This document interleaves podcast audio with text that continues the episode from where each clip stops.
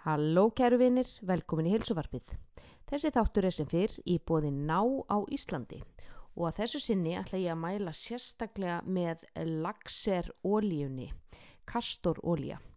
E, þeir sem að heyra þetta orð, þetta er náttúrulega fyrst í hugu eitthvað hægðalosandi en hún hefur nýst ansi vel á húð og hár og ég hef verið að nota hana á sem body lotion bara eins og, eins og eh, vennilega olju, hún er mjög þykk þannig að maður þarf svona aðeins að býða hann maður fyrir föttin og hún heldur öllu alveg, sko húðin á mér er mjúk eins og badnaras. Annað sem ég hef verið að nota oljuna í er að ég hef verið með að glíma við mjög þurran hár, uh, hársvörð uh, undafarið og uh, ég hef verið nuttaðinni vel ofan í, ofan í hársvörðin á henni fyrir að sofa og síðan daginn eftir þá bara þvæ ég hári með vennilegu sjampói og bara eins og veifað sér töfrasbrota er þessi þurkublettur bara horfin þannig að í laxiróljunni eru nefnilega omega 9 fytusýrur sem eru mjög góðar fyrir heilbrygt hár. Og annað sem hún gerir er að hún eigur hárvöxtin með því að auka blóðflæði til hársekkjana sem leiðir síðan til aukins hárvöxtar og hún eh, er líka sveppa og bakteríudrepandi, er með sveppa og bakteríudrepandi eiginleika og er þannig að vinna á eh, flösu, kláða, blettaskalla og jafnvel sveppasíkingu eins og ég er, eh, hef sterkan grunn um að sé í mínu tilfelli. Uh, einni getur hún nýst sem hárnæring, hún getur nýst á bolgur og liðagikt og annað sem ég er farin að gera er ég farin að bera hana þess á augnhárin á mér vegna þess að hún eigur náttúrulega hárvöxt og var ég nú með laung og fín augnhár fyrir en uh, þau verða alveg ennþá betri. Kleopatra notaði þessa, þessa olju þannig að ef þetta nóg var nógu gott fyrir hana þá er þetta nógu gott fyrir okkur sót svartan almúan hér. Návörurnar fást í háverslun sem er upp á línkálsi 13 eins, einsinn á náfoods.is er hægt að panta þær líka og fá sendar heim og að sjálfsögðu í útópíu heilsu melsins sem eru þetta nettoveslanennar og þar finnið þær í heilsu ganginum.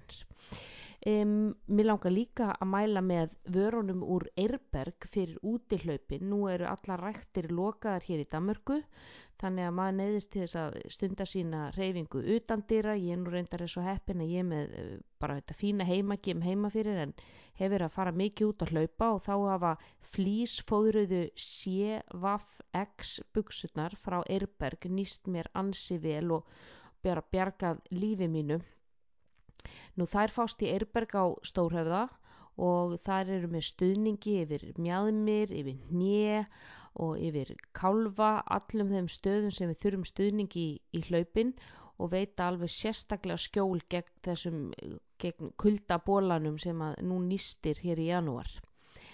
Tjekkið endilega á Eirberg, þetta er eins og að fara í dótabúð fyrir fullorna, maður getur verið þarna alveg uh, tímonum saman og, og buttan verður léttari þegar maður lappar, lappar út því að maður bara stennst ekki fristingarnar hann inni. Alls konar dót fyrir okkur heilsum elina.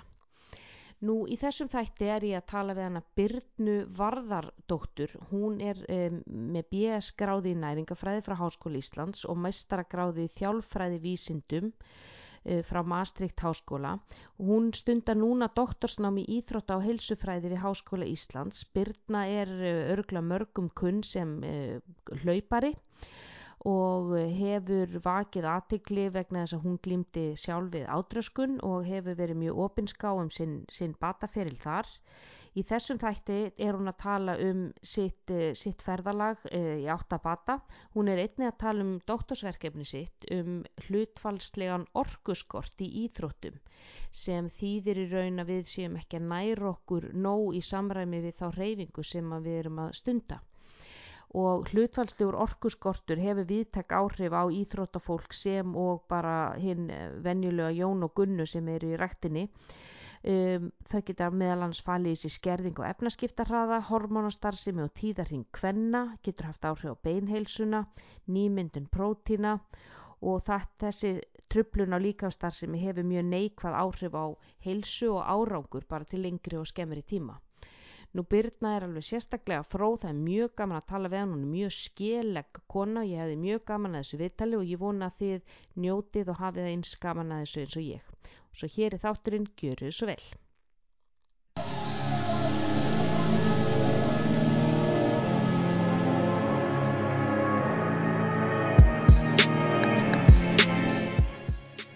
Halló og velkomin í helsuvarpið.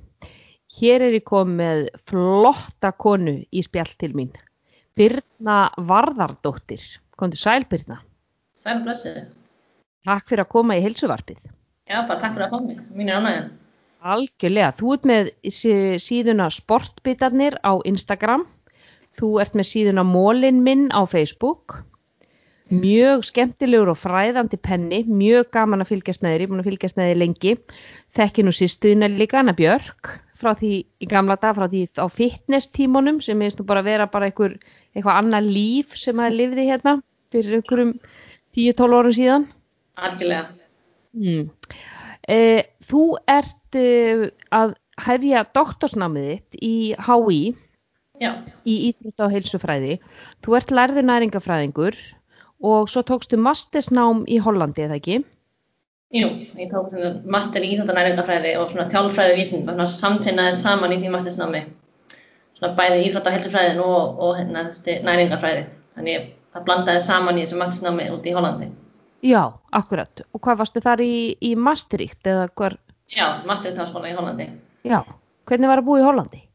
Það var virkilega ánægilegt sko. Og hérna, mm en hollendingar eru svolítið öðruvísi, þeir eru svona svolítið beinskettir þannig að maður svona lærin að þá en, en svona, eftir nokkra mánuð þá vildi ég alls ekki fara og mér fannst mjög erfitt að fara heim sko, ég manni til því. Nú, ok. Hvernig, hvernig er þeir beinskettir? Þeir segja hlutinu bara nákvæmlega eins og þeir eru sko og mm. mann svona fyrst þegar maður fekk svona eitthvað að kenna um eitthvað feedback og eitthvað þeir bara sögðu nákvæmlega sem þeim fannst og þú veist það var engin blóskallar eða neitt með því sko.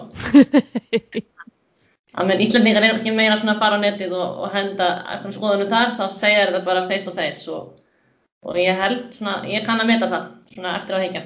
Já, akkurat.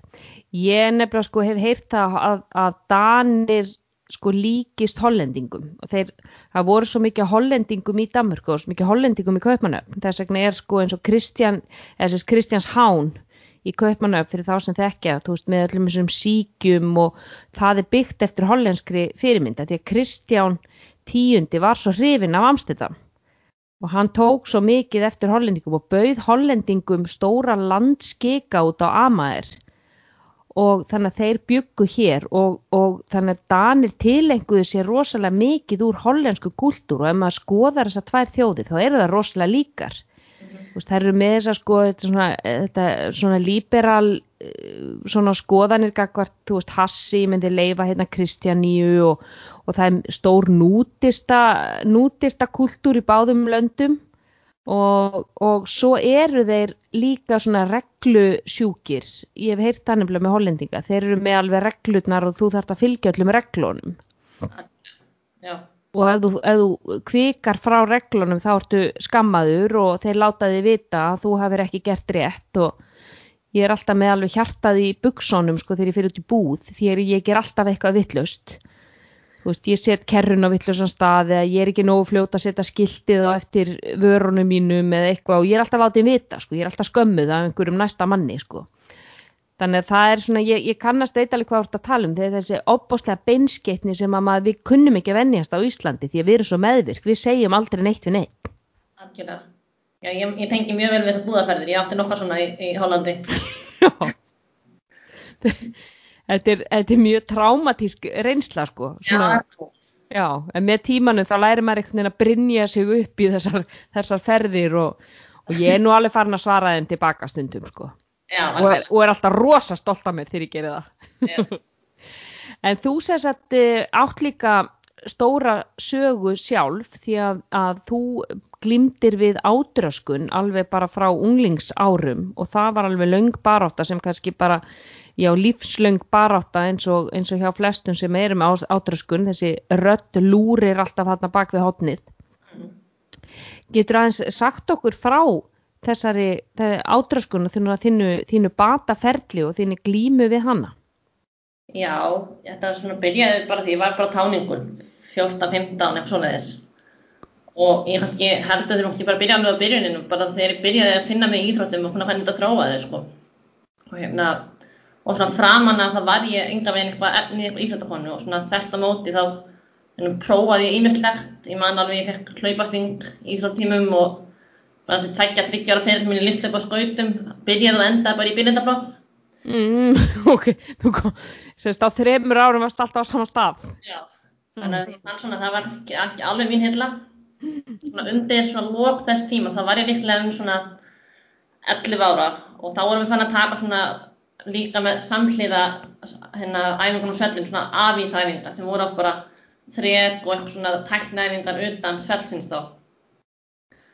Og það var líka uppála svona hita við löpir, skautaæfingarna sjálfar og ég man að ég var rosa svona samviskusum í því og ég man bara ég svoleiðis þrammaði fram og tilbaka skokkinu á pöllum skautaallarinn hennar á þetta tíma já, sem er alveg öruglega nógu heitt og þá fann ég að mér fannst eiginlega það mjög skemmtilega heldur en að snúast í eitthvað píruvetta á svelli sko. mm, það, það var ekki mikil dama í þér sem sagt Nei, hún er, hún er ekki komin ennþá sko. Nei. Þessi, þessi þokki sem að, sem að við konu leitum að Já, hann, hann, er bara, hann er bara ekki hérna og við erum bara sagt að þetta það. Nei, nei, nei, nei. Og það er nefnilega svo gott nefnilega við liftingarnar og svona. Það getur við alveg leift okkur við sem erum ekki þokkafullar. Að það er bara ljótan og, og svitan og allt saman. Algjörlega. Mm. Yes, svona, já, á þessum tíma þá var ég svona líka skipt um skóla, ég lent í fyrir grófum einelti í gamla skólanum mínum Mm. Og einhver tíma þá var ég bara leiðinni í skólaðutir sem ég svona hataði á þenn tíma og þá var eitthvað veggspjald upp á, á vegg með auglýsingu fyrir unglinganámskeið hjá Bootcamp sem hétta bara Bootcamp Junior. Og hérna ég sagði bara já þannig er eitthvað sem mér getur þátt gaman og mér langaði það bara að komast í betra form. Og það var eitthvað sem fann mig svona mjög fljótt í og hérna fann svona hvernig sjálfströstið og annað bústaðist upp og svo var ég bara 9-13 ára eitthvað þannig að 2007 þegar ég tók þátt í mínu fyrsta hlaupi og tók að strætó niður í ráðhús til að taka þátt í einhverjum 5 km viðangslaupi hjá IR minni mig og svo vissi enginn fyrir en ég hringdi bara heim í mín og sagði það unnið minn aldursflokk Nei. Jú, og hérna, og svona svo þetta komið kannski úr réttri átt þá hérna var það fyrsta og síðasta keppni sem þau hafa mist af hérna heima allavega held ég. Þannig að þau hafa alveg Sem verið, að fó- foreldræðinni hafa mist af. já, Mm.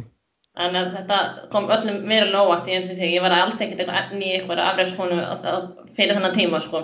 Mm. Það er svona fundið að eitthvað sem að ég var virkilega góð í og svona, og það var alveg egobúst í því. Þannig að svona fljótlega upp á því, þá fór ég að æfa sem frjálsar með FH, svona með áherslu svolítið á hlaupin. Mm. Þannig að þú finnur það þarna að þú ert góð í hlaupum. Já, Já. það svona, það hvað, hvaða vegalengdir erum við að tala um? Um, ég keppti þarna bæði í, í millivæljendum, það er þú veist 15, mun- 1500 metrum, 3000 metrum og svona þessu kallast millivælendir og svo líka og göduleipunum. En svona göduleipun hafa alltaf heillað við meira og ég er svona eiginlega verið á því að lengra væri, lengra væri betra. Og hérna, Mm. Þannig ég náði svona, já, mjög fljótt árang sem að fólk tók eftir og, og ég kunni á þeim tíma ekkert endilega að fara með það og ætlaði mér alltaf mikið, alltaf snemma. Ég held að sé alveg óætt að segja það. Mm. Þannig að aðtiklin var ekki, hún var á mikil og hún kannski snerist upp í andhverfu sína. Já, algjörlega, fókusin Mm. var sterkur á, á, og líka bara kannski að ranga hluti og hérna ég vissi líka á þeim tíma að svona árangri þyrfti mér að passa rosa vel på mataræðið og ég var svona aðeins svona léttast þennan á tíma samhliða Mm. og, og já, ég bætti mig á þessum tíma og hérna, setti svona eitthvað svona vafasum svona samasemmerki þannig að milli, milli þess og, og ég væri að ná árangri. Mm og svona já, svona til að gera langastöðum stutta þá spólum bara svona 1-2 ár frá þeim tíma sem ég byrjaði frjálsum þá til hvað, 2009 eitthvað svoleiðis þegar ég var 15 ára eitthvað svoleiðis og ég man að það haust sigraði ég hálft marathon í haustmarathoninu setti eitthvað aldurslokka með þá í hálfu marathoni. Og hafði þá bætt mig líka í ymsum vegalendum þannig áður þannig að kom svona tímabil sem ég náði bara rosalega fínum bætingum. Og þetta haust hafði ég lést svona enn frekar og nú, svona mjög hratt eiginlega bara stundum tíma. Og já, þessi árangur varði fremur stutt því að liði ekkert endilega marga vikur þar til orkan bara far valgjörlega sem fór svo bara að hafa áhrif á allt mitt líf. Já, af því að þú þannig ert að næra þig svo lítið. Algjörlega, bara fókusinn hann fór algjörlega ranga staði og ég svona, já, fór eiginlega bara í það að léttast og verða léttari uh, bara mjög hratt. Og hvernig, hvernig lí- lítur það út? Hvernig ert að næra þig á þessum tíma? Þú veist, með öllum þessum hlaupum, hvað, hvað ertu, hversu lítið ert að næra þig? Um, ég sko, fer kannski ekki út í neina smáatrið með það en þetta var alltaf miklu minna heldur en, heldur en ég þurfti og ekki eins og til þess að viðhalda bara svona grunnþörf hjá, hjá unlingja þessum, þessum árum og hvað til að mæta þessum, þessu sem að ég var að gera á æfingunum sko. Að, Já, af því að átputið er svo opbáslega mikið, já, þú þarft að sko, þú þarft að taka inn svo miklu orku en, en hún er sko það lítil að hún er ekki einu svona viðhalda þinn eigin þyngd og enga veginn að viðhalda sko að ná að, ná að sko, hvað segir maður að, að knýja áfram þessi, þessi, þessa miklu reyfingu. algjörlega og Hvernig, hvernig leit það út, þetta orkuleysi, hvernig kom það fram? ég þetta gerðist á alveg svona í minn, svona í minningunni gerðist á mjög stuttum tíma ég kom að eitthvað vikur sem ég náði alveg bara rosalegum bætingum viktin hrundi og allt í einu stóð bara stóð ég bara fram með fyrir því ég komst allir upp sko, stegana upp í Vestló bara að því að mér svimaði svo sko. Ó, guð, já, já. þannig að það var alveg alls konar þannig merki og svona fram að því ég hefði hægt á blæðingum og svona líka minn var alveg fannin að gefa mér sterk merki um að, um að þetta væri ekki, ekki málið og hann þyrfti meira Mm Og þú hunsaðir þessi merki? Já, þannig að, já, þannig að svona til ásloka 2009, ásbyrjun 2010 þá svona þrjóskaðist ég við þrátt fyrir alltaf að sýsti mín og, og mamma mín og fleiri að mér standa hafi nú verið verulega áhyggjum fyrir sko. þannig þá var það meira að segja það kannski að koma manni á þann stað að maður sé tilbúin að taka skrefið og, og hérna, gera eitthvað í málunum þannig að það tók alveg tíma en það var þannig að 2009 bara gamla sleipið 2009 þá hérna, var það síðasta keppnisleipið mitt. Fyrir frekar langa pásu sem ég bara varð að taka út, á, út af þessu ástandi. Ég man bara út í hlaupi bara eftir því að verið svo frosinn í startuna ég komst bara varla af stað. Svo eftir svona 7 km því ég var að við það að gefast upp en, en, en ég gerði það nú ekki. Og svo í markinu og, ég bara gleymi eiginlega aldrei svip fóreldra mína þegar ég lóksins komst í mark sko. og hérna en ég gaf mig ekki alveg strax þó en hérna en rauðaljósi kom svona endanlega á æfingu í áspyrjun 2010 þegar ég var hérna, fór æfingu og það var bara basically engin munur orðin á skokki og spretti mér ætti að taka svona fartleik mér ætti að Mm. mm. skokka hægt inn á milli svona hraðari setta og það Mhm. bara neitt það var, það var bara einn hraði Já, þannig að þú gast ekki eins og sprettað. enga megin, það var bara búinn og hérna Þú hefur bara ekki verið og, og, og, og myndur þú segja að það sé sko, þú veist, lág kolvetni, því nú náttúrulega svona glíkógeni í vöðvunum hafi bara ekki verið til staðar, þú veist, það hafi ekki verið bara neitt glúkósi eða þú veist, hvað, hvað myndur þú skrifa það á að þú nærði ekki sko að virka þennan kraft í sprettina? ég var nú með alls konar tengdur á þessum tíma sko. það var alls konar viðmið sem ég ætlaði mér ekki að fara yfir hvað ég mætti borða sko. en end, ekkert endilega eitthvað lágkólin eða keto en bara svona heildar orkan var bara allt og allt og lítill Mm og þannig að ég líka mér var bara komin í verulega orku skuld ég held að það verið best líst þannig og, og bara Mm. þannig, svona byrjun 2010 þá eiginlega bara já, stóð ég vall undir mér sko. Nei, nei, einmitt og þú sér það á æfingum og framistöðunni að, að þarna ertu einmitt átt að fara í fartlegg sem að fyrir þá sem ekki vita er svona sprett, sprettæfinga uh, já, getur meila svona, ég segi þetta svona hraðaleikur, já, það, Já. Er, það er íslenska orðið. Já, einmitt. Og, og og þar getur ekki eins og sko, þú, það er, það er, þegar við erum að spretta þá getum við alltaf miða við sko við erum á bretti að þá stillum við náttúrulega bara ákveðin hraða og þá sjáum við er ég er að spretta hérna á 16 eða eitthvað sko en þegar við náum ekki að, að virka ekki einu sinni sko upp í þann hraða, við erum bara skokka og spretta á sama hraða að þá kom einhverja viðverunarbjöllur hjá þér sem segja, heyrðu, þetta er ekki í lagi algjörlega, ég man, ég var að æfa í FH, þetta var eitthvað kreika, ég man, ég komst út á auðvitaðgöngum sko á okkur slófi sko snýri svo við, fór inn í sal og ætlaði að gera eitthvað magaæfingar þar og en þú veist það bara gerðist ekki neitt, þú veist það var bara sama hvað ég reyndi, það er veginn, já ég hafði bara ekki kraft í neitt sko. Nei, og, og hvað gerir þú þarna? Hvað gerir þú í kjálfari? Hvernig bregstu við þessu? Uh, upp á þessu, þá sættist ég á að leita mér aðstofa bara niður á spítala Mm. og svona staðan var metin það alvarleg að ég fór strax í viðtalabugl og mætti þar í einhverjar 2-3 vikur held ég, ég var ekki lögð inn en ég kom svona í, já held ég vikulega í svona 2-3 vikur Mm og svona fyrir svona tæplega 16 ára íþjóttakonu þá var þetta alltaf svona skelvilegu lágpunktur. Því ég mun, maður ég hugsaði bara, já já, þetta enda svona. Og ég náttúrulega með mína svona unglingsfordóma var sko ekki á því að barna og unglingageðdeild sem væri bugl væri eitthvað staði fyrir mig, -hmm. næst á móti. Mm og hérna og kannski annars að fara eitthvað mjög djúpt í það en, en ég hætti svona fljótt í þeirri meðferð því mér svona fannst einhvern veginn að þetta erði eitthvað vítarhingur og það var svona margt sem var svona íþróttakonan í mér þurfti aðstof með sem er tæplega hægt kannski ekki þess að landsbytalinn tekli allt saman. Já, eins og hvað?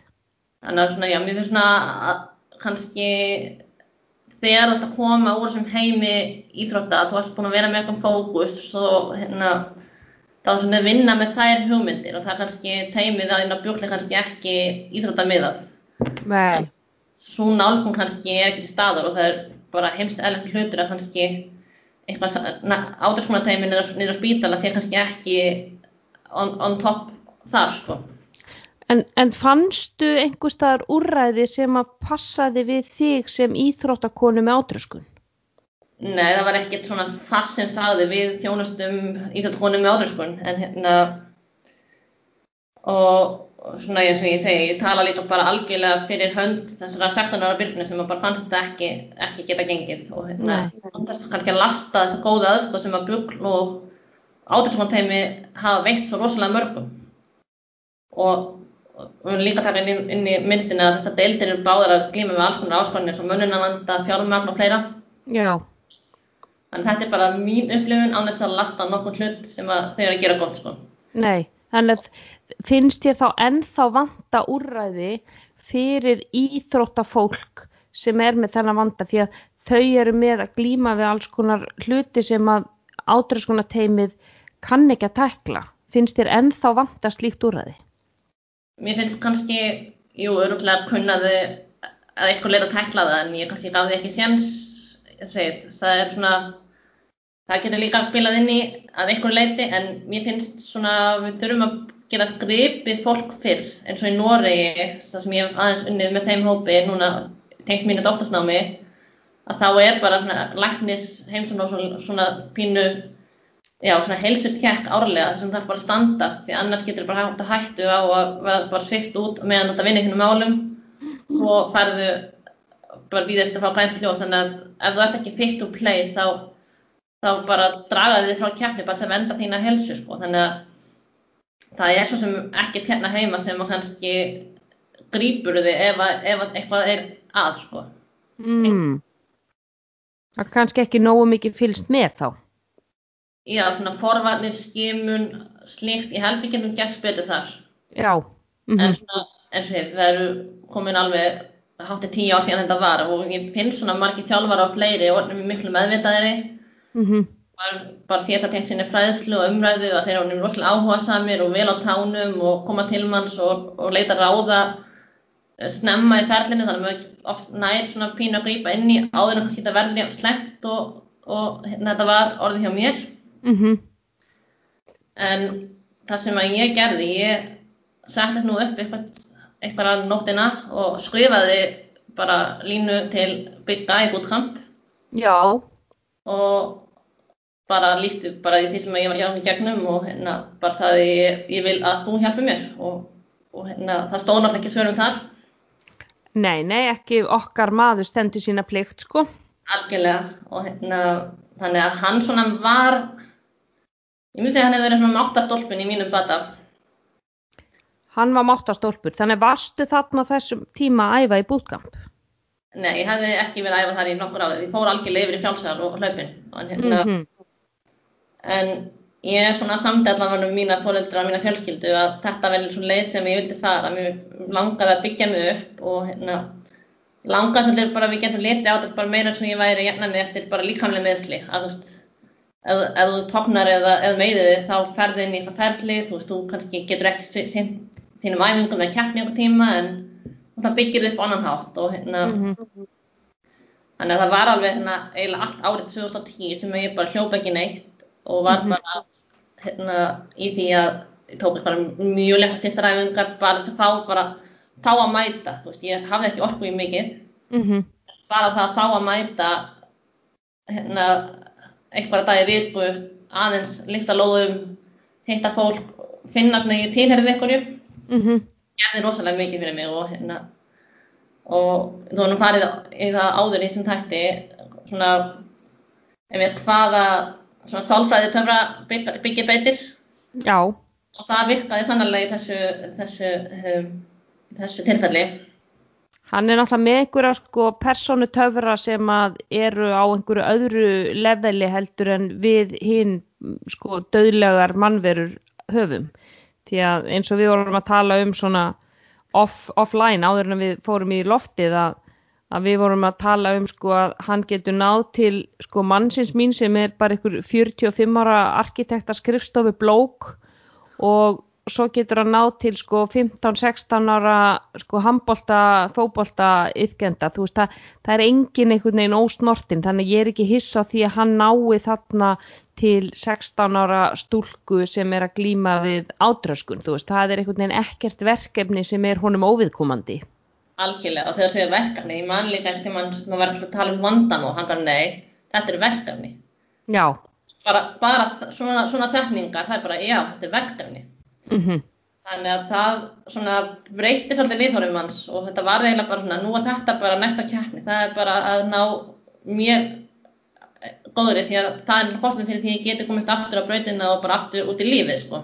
mhm, mhm, Og ég fór náttúrulega líka, ég fór til hjartaræknis og hann svona tók stuðin á mér og það náttúrulega var svona ákveðin afbyrðileika sem komið fram í því, svona fyrsta mati þar.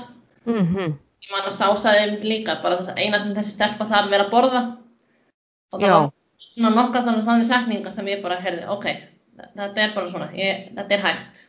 mhm, mhm, Næringafræðings og ég svona bjó mér til svona smá teimi í kringum þetta. mhm, Og hérna, og svo bara vann maður sig upp og, og það var líka mjög mikilvægt þessum tíma, að í þessum tíma voru líka bara pínu að byggja upp bara svona samband bæði við mat og æfingar. já, já, já, já, Hver, og hvernig var, hvernig var leit það ferli út? uh, bara fyrir að fyrsta því ég, ég var komin í það miklu undir náttúrulega- ég þurfti að þyngjast alveg töluvert aftur Mhm, og hérna, það var svona var bara pínu gulrótin og svo fann maður þegar maður þyngdist og maður fór að geta lift ykkur meira heldur en bara hálfri stönginni sko. Mhm, svona var það ákveðin hvati og svona já, maður lærði smátt og smátt pínu bara inn að það að treysta því. Að, alls konar matur er bara fín og þú veist það er ekki sem er bannað að borða og maður svona lærði, ok, þó ég borði þetta þá er það bara allt í lægi og ég er bara gott, þetta er bara ánægð sem ekki þessu. Mhm, og fann þetta líka bara að eftir því sem ég þyngdist og fekk aðeins liti kynanir aftur þá svona já, eldist minn þróttur í öllu, hvort sem það var félagslíf eða, eða styrkur eða, eða hvað það kallaðist og ég man líka bara því ég fekk svo lóksins að fara á mína fyrstu bútkapaæfingu og sveikna eitthvað aftur bara það, hvað var rosalega stór og mikil stund að finna bara ég gat þetta sko já.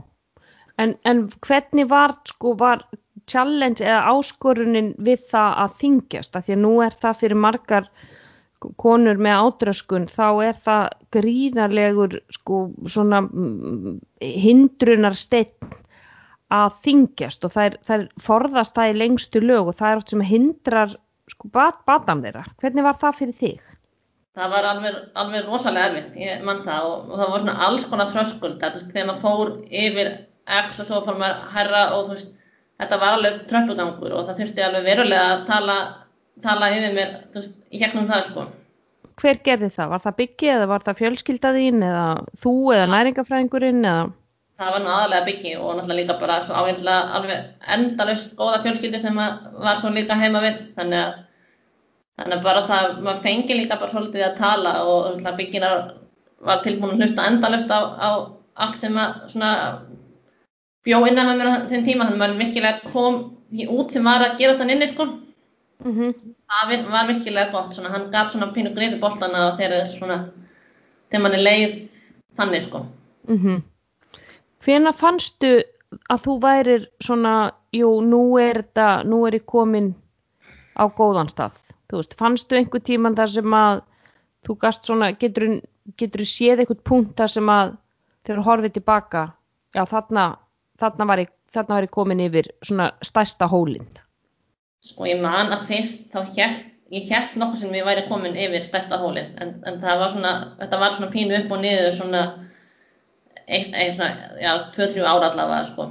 Það, hérna, en ég man að ég tók eitthvað 2-3 stutt æfingarhleipan í lók 2010 og kemti svo Mhm. aftur í gamla hlaupinu sem ég talaði um áðan, bara núna árið síðar og ég sko svoleiðis bætti mig flög undir 40 mínútur fyrsta skiptið án þess að hafa æft hlaup í ár sko það segir nú bara um, hvað orkan virkilega skilaði sér þar sko. Já, þannig að þá svona þá virkilega fann maður ok, þú, þetta, þetta er málið og, og það er þetta sem ég þarf. Þannig að maður finn lært þá en svo átti ég eftir að fara aftur og hlaupa aðeins meira og mista aðeins fætarnar aftur og þannig að það var svona pí, pínu pínu jójóferli en svona ég hugsa svona tveimur, þreimur árum eftir hafi ég svona pínu fundið að ég var komin á þann stað sem ég svona hjælt betur velli sko.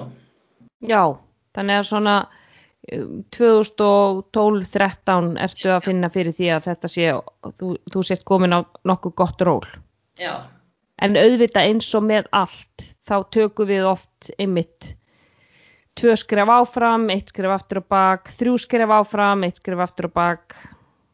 já, 2012-13 þá held ég nú aldrei sem væri komin, eða 2012 held ég nú aldrei sem væri bara komin með þetta sko, en þá tók ég eitt svona svolítið langt hlaup, kefti hann í 5 ESjum 2012 og þá svona ég ekki alveg það sko, en hann að hætti þá að keppa hann aðeins nefna það sumarið. Og þá ákvað ég bara, heyrðu, nú ætla ég bara að nýta keppniskapið og ég ætla bara að fara að keppa þessi kraftliftingum. Mm, Þannig ég tók þannig að hálft til eitt á þar sem ég bara einmitt reif svolítið duglega í lóðin og keppti þannig í einhvernum mótum í bara í kraftliftingum án búnaðar. já, sko mína, bara, og hvað, var þá bekkur, dett og, og, og beigur? Það var allt saman, yes. Já. Og, og þetta er hvað, 2014? Nei, þetta er, þetta er 2012-13. Já. Og hvernig gekk með það? Herðu, ég get sagt það að það er Íslandsmeistara titill á ferilskonni úr kraftliftingum. Nei. Jú, jú. Ég meina, ég er ekki hissa því að þú hefur verið kannski þingdarflokki sem er svona freka lár, þannig að það hefur verið, verið gott að finna það að geta rifið aldrei duglega í játnið, sko, Já. þú ekki stærri kona en þetta. Það voru ekki margir í þessum flokki, ég man að ég fór, hérna, ég teki mest 80 kíló í nefnböju, uh, 175 í réttstöðu og 57,5 í bekkaldi. Já, vel gert. Þannig ég held að ég hafi þessa Þetta törni. eru 230-40 samanleðu. Yes, þannig að, Heldur betur.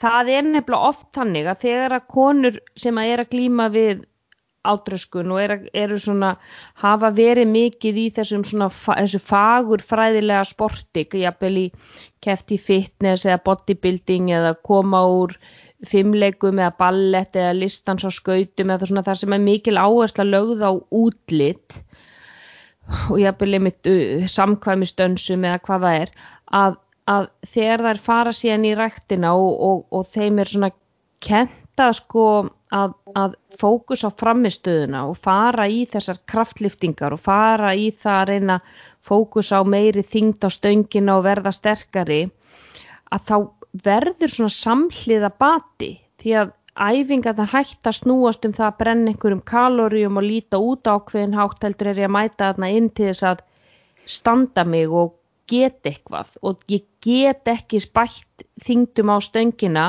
ef ég er að kroppa eins og spörfu kleima. Algjörlega. Ég man eitthvað tímann saði ég í einhverjum pósti til byggja, já maður beigir ekki á loftinu og það hefur bara verið svona mín setning svolítið eh, síðan sko. Og hérna, Nei, nei, maður beigir ekki á loftinu sko. Já. Nei, nei, það er alveg rétt sko. Já, þannig að þetta svona hefur verið þinn svona líka kvati í þínu námi því að nú ertu byrjuð í doktorsnámi og, og þú ert að skoða hérna svona hlutfalslegan orkuskort í íþróttum eh, sem að þú eh, heitir á ennsku Relative Energy Deficiency. Og við vitum það náttúrulega að svona energy deficiency er það sem að sko, eða svona það kall, kalla calorie deficit mm, sem að er það sem að sko er, er talað um að fólk þurfi að gera til þess að léttast. Og þegar þú ert að skoða þetta í tengslum við íþróttir þar sem að fólk þarf sko er útlits tengdu þættirnir eru jafnvel ekki endilega alltaf til staðar heldur eru við að tala um framistöðu þar sem þú þarft að knýja þig áfram mm, og þú segir hérna sko það er relative energy deficiency stafar að viðvarandi skorti á tiltækri orku og getur haft viðtæk áhrif á heilsu og árangur íþróttafólks óháð kyni aldrei og getustíð. Getur talað aðeins um þetta því að það er náttúrulega þetta efnaskiptarræði hormóna og tíðarhingu kvenna og allt saman sem þetta hefur áhrif á. Þannig að mér finnst þetta svo rosalega áhugavert efni. já, algjörlega og svona útskýrum kannski aðeins betur þess að tiltæku orku og rætt svona svo, að þeir sem er að hlusta fylgja okkur alveg. Já, af því að þetta er ekkit svona, þetta er ekki þjált orð sko. Nei, fólki að vita ekki ennsku sko, þannig að yes, að það er svona pínu klausi með þessu. Þannig hérna, já, við einfallega bara getum ekki bara eitt annars nota til þessu orku, þannig að ef við horfum svolítið á svona þá heldar orku sem við erum að fá matnum okkar á hvernig degi, þá ver líka minn einhverjum x hluta í æfingar, þú brennir x á æfingu og svona útheimtir það.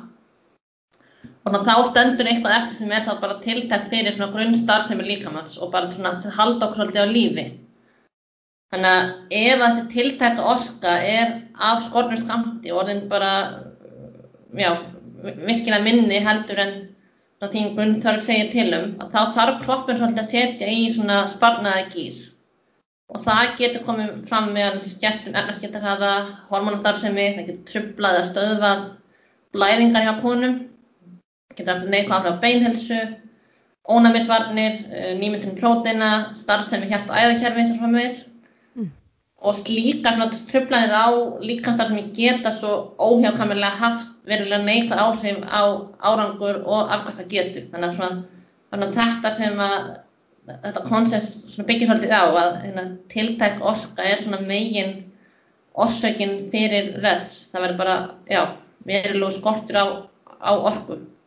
Já, þannig að það verður verulega skortur og orku sem er ekki til staðar fyrir framistöðuna í íþróttum því að þarf, það er grunnstarfsemi líkamann sem hann þarf að nota þú veist, hann þarf að, hann þarf að einmitt, búa til prótín, hann þarf að viðhalda allri öllum líffærum og síðan náttúrulega allt þetta output sem að íþróttamenn er að setja út með sinni miklu hreyfingu að þá auðvitað þarf orkan að fylgja því en það eru margir sem að flaska þar Þannig að hvað er það að sjá til dæmis í framistöðu, þú veist, nú talar um sko almenna heilsu, ég vil koma endilega því aftur, en hvað er fólk að sjá í framistöðu eins og til dæmis þú upplifir þegar að þú sérðu, ok, ég er hérna að spretta og skokka á sama hraða.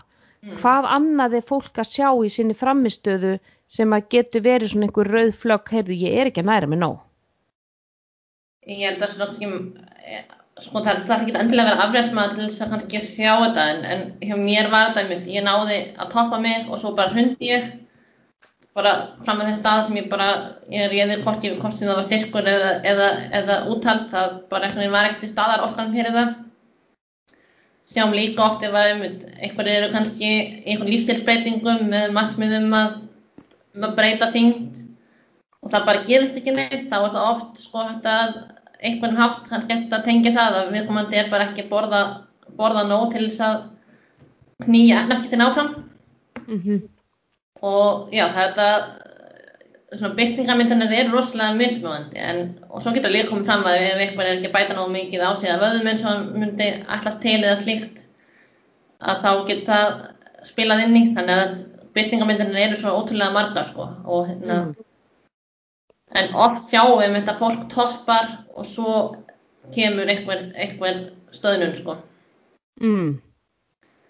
Þannig að það, það er, það er líka með þessi, svo, svona þessar, þessi líkamlega samsetning ger ekki ná að bæta á mig nógu miklu með vöðvum, ég, veist, mér- langar að bæta á mig vöðvum, það er ekki að gerast, þannig þá er ég ekki að borða nóg, mér langar að létta mig, það gerist ekki, þannig að þá er efnaskipta hraðin í, í, þú veist, þá við búin að hæja svo verulega á grunnbrennslinu vegna þess að líkaminn er bara komin í varnarmekanisma, að því hann er ekki að fá inn nóg af orku. Já, og síðan, já þannig að þannig að þetta er svona kannski Jón og Gunna sem eru kannski að reyna að breyta svona einhverju útlitsþáttum. Og svo ef við skoðum svona fólk sem er að stunda íþróttir, hvað myndi það sjá, væri það þá þú veist, erfi, erfileikar við að koma sér áfram á æfingu, þú veist, hva, hvað er það getur náttúrulega verið að þetta hafi líka áhrif bara svona á svona hvað geðhilsu og áhugaföt og kannski eitthvað sem tengist meira kannski sálfræðinni. En það getur líka verið bara oft sjáum við einmitt að, að fólk er að meiðast, það kemur eitthvað svona álagsbrot eða eitthvað og það er virkilega raukt flagg til þess að einmitt, hvernig ert að borða, hvað, hvað á hverju ert að nærast? Og svona ef að álagsbrotið eða eitthvað slíkt er að koma upp hjá sérstaklega ungu íðafólki þá er það eitthvað sem að mér finnst að vera alltaf umræðuefni sem að hvort sem að sjúkahalvari eða annað helbriðstarfsmöður ætti að taka að virkilega skoða uh, mataræðið, spurja í, í þetta konu hvort það sé á blæðingum varandi reglublæðing og svo, svo framvegis. Og skoða svona kannski meira heldur en bara báttið sko. Sem er Já. þá já, Já, þannig að það er, er, er álagsbrot, það eru, það er uh, tíðarhingurinn og, og einmitt og kannski mótivasjónin kemur kannski andlegi þátturinn hann inn, mótivasjónin til að æfa verður kannski lítil að því að það líka minn náttúrulega er að hindra og maður sér þetta oft hér til dæmis hjá, hjá fólki sem að svona reynir að bara svona hinn almenni að- bara sótsvarti almúi sko sem er að fara í ræktina til þess að losna við einhver kíló og það gerist ekki neitt vegna þess að það er allt skori niður bara niður í ekki neitt og að þá minkar oft þessi það sem að þú veist oft kallað svona NEAT eða Non-Exercise Activity Thermogenesis Já. sem að er að við, við reyfum okkur minna bara svona daglega veist, það, það dinglar dyrabjallan og, og þú byður einhvern annan um að fara til dyra. Mm, og það verður svona þessi minni þessar ósjálfráðu hreyfingar. Þú, veist, þú, þú byður einhvern annan um að fara og sækja þvottin og líka minn fyrir að venda þig. Hann gerir þig eiginlega þú veist, má eiginlega segja svona innan gæsa lappa latan hann, það er svo lítil orka til staðar og við ætlum að spara hann og reyna að nýta hann í það sem við þurfum sem er náttúrulega bara að halda líkamstar sem er í gangandi.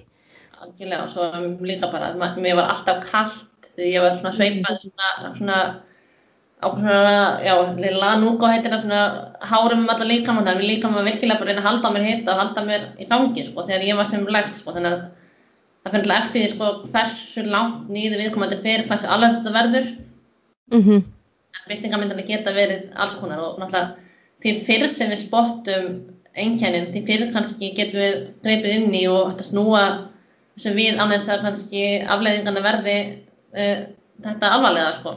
-hmm. Mm -hmm. Það sem er líka ánægð með að REDS kom fram hvað 2014 hjá Alþjóða Olimpíasambandinu en áður hefur við alltaf talað um sko þrennu íþjóttakonur eða female athlete triad já, akkurat 93 þegar ég var að fæðast sko. Já, já, já, já. En getur þú útskýrt það eins fyrir það er ekki allir sem þekkja sko hvað female athlete triad er? Já, það lýsir bara svona sem innbyrði sambandi sem tiltekar orku, blæðinga og beinhelsu og svona löngum var það þekkt að einmitt ef að, ef að konu var að æfa mikið og borðið ekki nóg þá gæti það haft áhrif á hérna, hormón og blæðingar sem aftur gæti beintnað á beinhelsu. Þannig að það er svona þessi trenna og, og það var mjög miklaði stein. Það þurfti alltaf verið í ólestri svo um trennuna verið ræðast að byrja með Mm -hmm. svo kenning þróaðist aðeins en þetta gaf svona verið á nákvæmni rófi kannski varstu svona óreglulega blæðingar beinilsen í lægi, tiltak orka ónæg og svona þessi þrý þætti gáttu pínum spannað svona róf frá því sem er eðlilegt til óeðlilegt sko Mm -hmm.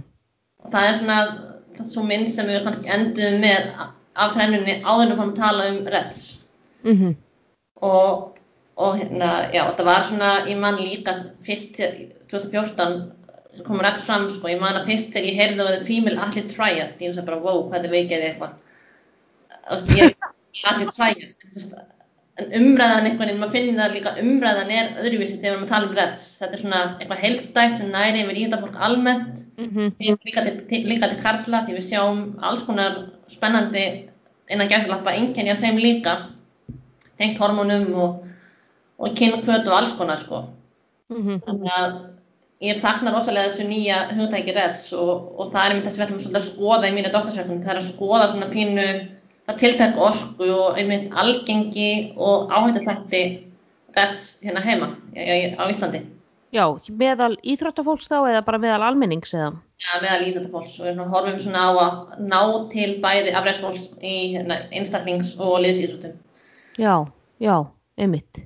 En sko að því að þetta hefur verið einmitt svona svolítið tabú með, með að tala um sko female athlete triad, þú veist, þrennuna hjá, hjá konum að því að þetta er náttúrulega snýrað að blæðingum og þetta hefur snúið svolítið mikið af konum því að þær eru auðvitað í meiri hluta oft af þeim sem eru með ádraskanir og þær eru líka í meiri hluta í fagurfræðilegum íþróttum, þú veist, þær eru meira áberandi í listansi og, og á skautum og, og í ballett og, og í þessum íþróttum þar sem er gerð krafa um ákveðið, ákveðið útlitt en auðvitað sko og, og það er ekki fyrir svona síðustu ár þar sem að ég, einmitt, ég verið að hlusta hlaðvörp og þar sem að kallmenn hafa verið að koma fram, ég hef vel sko vakstarækta menn uh, menn sem að hafa verið í, í sko kraftliftingu aðalega samt vakstarækta menn sem að þurfa sjálfur að grenna sig og, og líka þeir sem hafa þurft að til dæmis að leta sig mikið fyrir glímu, þú veist fyrir wrestling og svo leiðis, þar sem að þeir finna að testosteroni fer niður með minni orku og, og þeir eru að glíma við afleðingar af því mjög lengi í lægri kynnkvöt þú veist og þeir fara einmitt að missa, missa hárið og, og þú veist að það er ymsar afleðingar og, og svona fylgikvillar sem koma fram hjá þeim sem hefur ekkit verið mikið talað um og hefur svona verið svolítið bara sett undir teppi. Þannig að þetta reds er, er mjög gott hugtak vegna þess að þannig er við að færa fókusin frá konunum og yfir bara á alla, óháð kyni Mm. og, og hvar þú ert. Algjörlega og maður sé líka bara að það er miklu fleiri sem er að koma fram, bæði kallar og konur en við horfum bara erlendis fólk er að svona, ég er að koma og opna sig með það og hérna, já, ég, svona með tímanum verður þetta svona minna tabú en hérna, en það er svona ákveðin leið eftir því og við þurfum svona pína að taka þetta í skrefum og minka bara tabú, bæði kringum blæðingar og eins og nefndir kynpöt og alls konar svona slíkt sem að, sem okkur er kannski ekki endilega tamt að tala um, sko, sem að fólk er með. Mm Og frjósemi, og frjósemi sko ekki bara hjá konum heldur líka hjá köllum, því að auðvitað fer hún niður þegar testosteroni fer niður. Algjörlega. Mm, mm. En þetta er nefnilega hérna, mjög áhugavert og þetta, þetta, þetta hugta kemur sérst fram 2014 segiru, í kringum hvað, í kringum olimpíuleikana. Já, það var vantarlega verið olimpíu ár sko, en ég, sko það var, það komið saman einhverja sérfræðingar í, held ég, Sviss og svona fóru pínu á þeim tíma að tala svona um trennuna og svona hver staðþekkingarna væri og svona þá áttu þessi að, ok, við erum að sjá fullt af öðrum einkennum líka og já, og svo er þetta líka farið að svona bera á þessi á körlum og það kannski passar ekki alveg að vera greina kallmenn með með allir fræjart, sko. Mm -hmm. Þannig að þá komu þeir fram með og sett upp svona pínu svona lýsandi myndi bara varðandi það sem við vorum að sjá hérna, tengt heilsu og árangri og það er mynd standast ennþá og svona og við erum svona pínu að færa okkur líka lengra því að gera meiri rannsóknir á körlum, gera meiri rannsóknir um, í liðsýþróttum Mm -hmm. ég þú nefndir áðan að svona kannski ef við höfum mest verið skoðað í þessum einstaklings- og fagurfræðilegu greinum og mjögulega sjáum við að kannski algengi herra í öðru sporti heldur en við kannski heldum uppálega sko þegar við erum búin að skoða þetta betur sko. Já, hvernig ætlið þið að rannsaka þetta? Verða þetta laðið fram spurningalistar? Þú veist, hvernig, hvernig ætlið að skoða þetta? Já, við munum nota spurningalista einhverju leiti. Uh, við stefnum á að, að skoða líka ákveðin efni í blóði, uh, dexamælingar, þá beintekni og líkamsafsendingun. Uh, reynum að gera ákveðin mat á, á orku indök og orku notkun með hérna, hérna fæðuskráningu og, og hérna og svona hreyfimælum. Já, en nú er sko fæðusgráningin, hún er alltaf, þetta er svo erfitt að gera kannanir á mataræði sem eru ekki í fullkomlega stjórnuðum aðstæðum, sem er ekki bara inni í þar sem að þú ert með fólk og þú fylgist nákvæmlega, þú mónitórar bara hverja örðu sem fer upp í þau, Já, af því að þetta er alltaf svo ónákvæm skráning. helst þætti mann alveg best ef þið væri bara öll að borði sem að mötunetti kæmi bara það inn með kort og það væri Já. bara skráð ofan í þau sko. Já, Það væri fullkomnum heimi en, en það er ekki, ekki svona raunverulega heimi þannig að við munum gera okkar best og nýta svona bestu mögulega aðferð til þess að reyna að fanga fæði inntökum. Já, þannig að það verður það bara, sagt, bara svona þessi klassíska matardagbók eða fæðuskráning og, og er það þá, mun þá fólk þurfa að vera alveg mjög ítarlegt með það, skrifa niður grömm og millilítra og allt sem það er að borða eða hvernig er það? Já, það væri svona eitthvað kannski kombination kannski af svona tveimur aðferðum til þess að við höfum svona eitthvað til þess að stemma af uh, fæðismáningin fyrir með kannski einhverjum myndum eða öðru. Mm. Ef maður ætlar að reyna að fanga kannski í raunverulega inntöku þá þurfum við svona pínu að hafa, hafa nákvæmni í einmitt, hvað fólk er að borða. Mm -hmm. En já, þannig að svona fljótlega um byrjun 21, mitt á 21 þá svona höfum við nákvæmlega einmitt fast nákvæmlega hvernig að gera þetta og svo fyrir við að stað með rannsóknina, já, fyrri helmingi 2021. Þannig að fyrstu, fyrsta getafólkið okkar mun taka þátt í þessu á þenn tíma. Ok, já, þannig að, já, og, og þannig að fyrri helmingi árið 2021 og þið ætla að fókus á hvaða íþróttir, þið nú segir svona liðsíþróttir, erum við að tala um fótbolta, handbolta, körfubolta, Já, það er svona, við ætlum að reyna að hafa það cirka 50-50 að svona pínu að skoða líka hvort það sé, séum að sjá mun milli þess hvort það sért í einsalins íþrótt eða, eða eitthvað, ég íþróttum með þá áherslu Mhm. eða samanborið þá við liðsíþróttir og það er mjög spennandi að pínu byrja það saman sko. Mm, algjörlega. Og, en munið þið eitthvað fara inn í hinn almenna borgara sem er að stunda bara svona hreyfingu? Ekki í þessu fyrsta kasti, hugsa ég, nei. Nei, nei. Það, va- það væri kannski eitthvað sem væri hægt að taka enn lengra. Algjörlega að skoða bara þennan Jón Skokkara sko og það var Já. mjög áhugaður líka sko. Hérna, Já. Að því að sko það er svona mín reynsla, þú veist, núna var ég þjálfari lengi en þú veist, svo er farin löngu frá því og, og er náttúrulega með svona mína sálfræðilegu mataræðisrákjöf og, og ég er löngu hægt að gefa út sko matarplön því ég sé það að það bjó bara til eitthvað svarkvítan hugsunahátt gagvart mat og, og fólk varði einhvern veginn algjörlega fixerað á það að borða bara það sem var á planinu og, og fólk verður ofsalega svona, þetta verða trúarbrögð, mataræði verða rosaleg trúarbrögð hjá fólki og maður náttúrulega auðvitað upplifi það líka, ég með það er valla talað um annað á kaffistofum en sko ert á keto og ert á þessu, býtu borða þú brauð og hvað ert að fá þér hér og hvað ert þú með? Og það er alveg pervertískur áhugi á hvað náungin er að láta ofan í sig. Algjörlega. Og við sjáum sko að þegar að fólk byrjar ok, nú ætla og nú er náttúrulega erum við að hérna, sigla inn í sko gósen tíðina í janúar þar sem að á aldeilis að taka, taka af sér sko daga vins og rósa um, um jól og, og desember og nú bara á að kippa þessi liðin. Og þá er farið í svo ofbáslega öfgakendar aðferðir. Það er bara farið á keto ég ætla að taka sigulösan janúar, ég ætla ætla bara, það er bara spínat og kjúklingur og þetta er alveg seriously þannig sko, er og svo er bara borðaði bara einmitt eitthvað kjúklingur og, og, og soðin ísa út í eitt sem að auðvitað gengur aldrei til lengdar, þú, þú endist aldrei á neinu svona mataræði.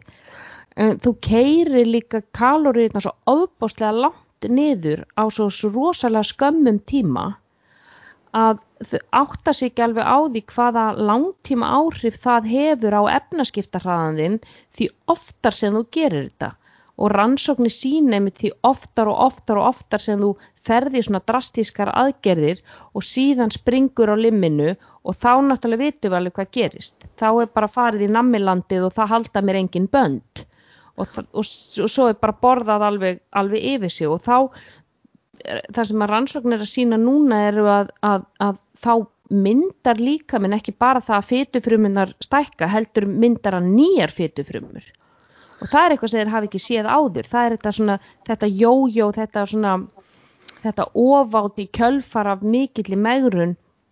Við sjáum hjá fitnesskeppendum eftir þeir eru búin að keppa og hjá fólki sem er búin að vera í stífri megrun er að það myndar sérst nýjar fytufrumur sem gerir þeim erfiðara fyrir að missa síðan þyngd setna meir. Og, og ég er svona að velta fyrir mig sko hvort að þarna sé reds sko komi inn eh, í þetta sko spínat kjúklings átt sem að varir í einhverjar vikur. Hvaða áhrif það hefur á, á bara, sko ekki bara efnaskiptarðan, heldur líka bara langtíma heilsuna, þú veist, getur það haft áhrif á beinaheilsu og tíðarhing og, og, og allt þetta hjá bara hinnum almenna, almenna Jón og Gunnu sem eru bara hérna, þú veist, nýri völdkla, sko. Algjörlega og ég, einmitt, við sjáum að þetta getur komið fram ekki bara einmitt hjá afræðsfólki, heldur líka bara hjá bara þessum almenna skokkar eða sem fyrir rektur að því sinni viku eða hvað það er. Mm -hmm og á öllum svona, já, aldrei að gera stegum eins og við segjum, en við, þetta er svona kannski enda kannski minna að skoða hvort það sé tenging þarna við rétt sem þú ert að tala um, við kannski eigum ekki svona kannski nákvæm svörið því, en, en að einhver leiti þá, þá er þannig ákveðin tenging, sko. Já. Og ég er alveg sammála því að láta fólk hafa matarplan og segja því hvað það borða og láta fylgja því alveg þaul eins og eins og einhver plan í liftingum, sko, það er ekki, ekki máli, sko.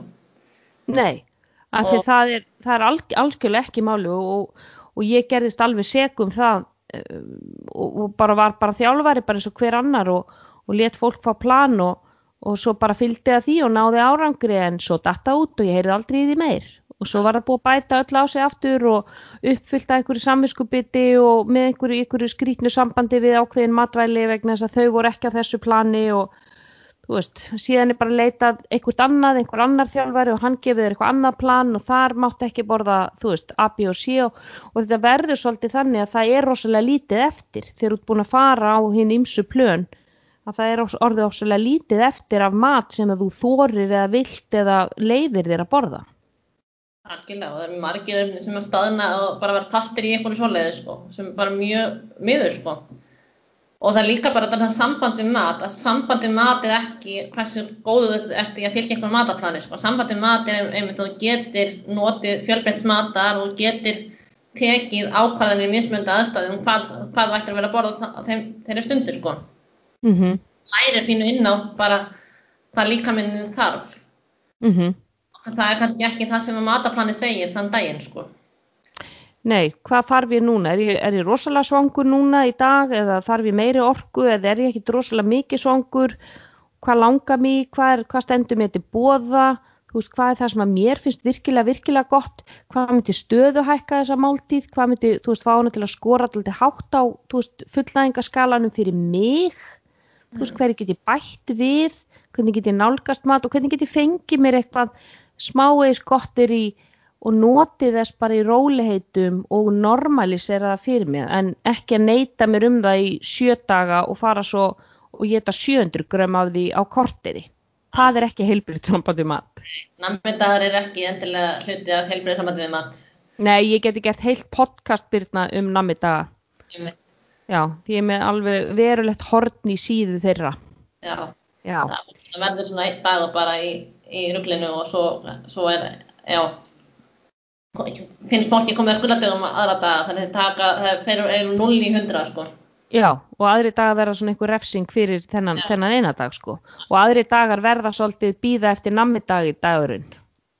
Algjörlega og líka núna bara tengt jólanum að þú veist þó það hafi borðað og gert vel við þig um jólaháttína þú þarf líka borðið í dag, þarf líka borðað morgun sko. Mm -hmm. Þannig að bara að halda áfram með lífi þó að það hafi kannski einhverju dagar orðið öðruvísi heldur en kannski mánudagur í apríl sko. Já maður sér það ofta að það er farið í eitthvað að fasta og, og ekki borða og svo verður allt á songur þegar þú kemur í hátíðamattin og borðar yfir þig og þá líður illa og allt komið saminskupið og þetta er bara vita ringur sko. Mm. En segðu mér að þér persónlega, er að, hvernig er þú að þjálfa, hvernig er þú að æfa svona þessa dana, nú er náttúrulega allt lokað, þú veist, hvað hva gerir skokkarinn í þér? Herðu, hlauparinn í mér, hann, hann, hann hlaupar nú bara hennum um úti og reynir að að svona pínu hafa sérklum þetta vindi þar og það er alltaf að nýta eins og hérna í bínu í Mósinsbæ og það er þetta að fara inn út af gerfigrasið og nota það þegar það er mikil hálka eða þá bara henda brotunum undir. Mm Og höfuljósið á? Já, að- allir pakkin sko. Mm Og ég syndi líka svolítið núna og hérna, sundlegan er opnar blessunarlega. En svo er ég, búin að koma með svona smá heimadými þar sem ég get rifið í lóðin heima. Já, já, einmitt. Einhver staðar bara hann inn á skrifstofu. Já, Einmitt. Maður finnur alltaf, maður finnur alltaf leið, sko. já, það er kostin með að búa einn, þá getur maður bara haft þetta þar sem maður vill hafa það. Já. Engin, engin, þetta er ekki fyrir neinum. Nei, nei, nei. Nei, nei, einmitt. Vi, við vonum nú að það fari að, að byrta til og, og, og líka stöð að fari nú að opna bara svona upp á líðheilsu landsmanna því að við vitum það, það er nú svona, það þarf alveg smá átök í að hvetja sig áfram í að rífi einhverja ketilbjöllin og skrifstofu heldur en að fari ræktina og hitta vinnina og verin í þessu umhverfi. Já, maður heyrir líka sérlega um fólk sem er með börn, sko, það, það, það liggur kannski stofugólinn og svo er öll fjölsinn komin ofan á stöngina og eða er sko hundurinn slefandi og þú veist, það er kannski ímsan áskoranir tengdar þessu, sko. já, einmitt. hérna, En Birta, hvar getur fólk fyllt þér? heyrðu, sportbitanir bæði á hérna, Instagram og Facebook og mólinn minn, það er bók sem ég skrifaði um mína reynslu, kom út 2014 og ég held heimasíðin alltaf í gangi, sko. Mm Þannig að það er svona bók sem fjallar bara um mína reynslu ádelskuna, hvernig ég vann mig út af því. -hmm. Þannig að ef þið vil fylgjast með því, þá er það mólinn minn á Facebook. Já, þannig að þú ert með sportbitarnir á Instagram, sportbitarnir á Facebook, þú ert líka með mólin minn á, á Facebook Já, og síðan er heimasíðan mólinminn.is. nei, það er engin heimasíða, ég Nei, er bara á þessum miðlum í dag. já, einmitt, maður nýtir sér samfélagsmiðluna. Birna, þú ert hafsjóra fróðuleik, ég fæ örgla að fá þig aftur í, í heilsuvarpið og fylgjast með þessu spennandi verkefni þegar það er komið að stað, því að það á erindi við alla, ekki bara íþróttamenn, heldur líka bara, eins og segi, bara Jón og Gunnu sem, að, sem að eru bara svona í ræktinni sér til, til gags og gamans og, og, og, og svona útlitsbætingar og, og ekki síst framistöðu betrun. E, Birna, takk kærlega fyrir að koma. Já, takk fyrir að fá mig aftur, þetta var virkilega skemmtilegt. Já, og hlustendur, takk kærlega fyrir að hlusta á heilsuvarpið og þangti næst, verið bless.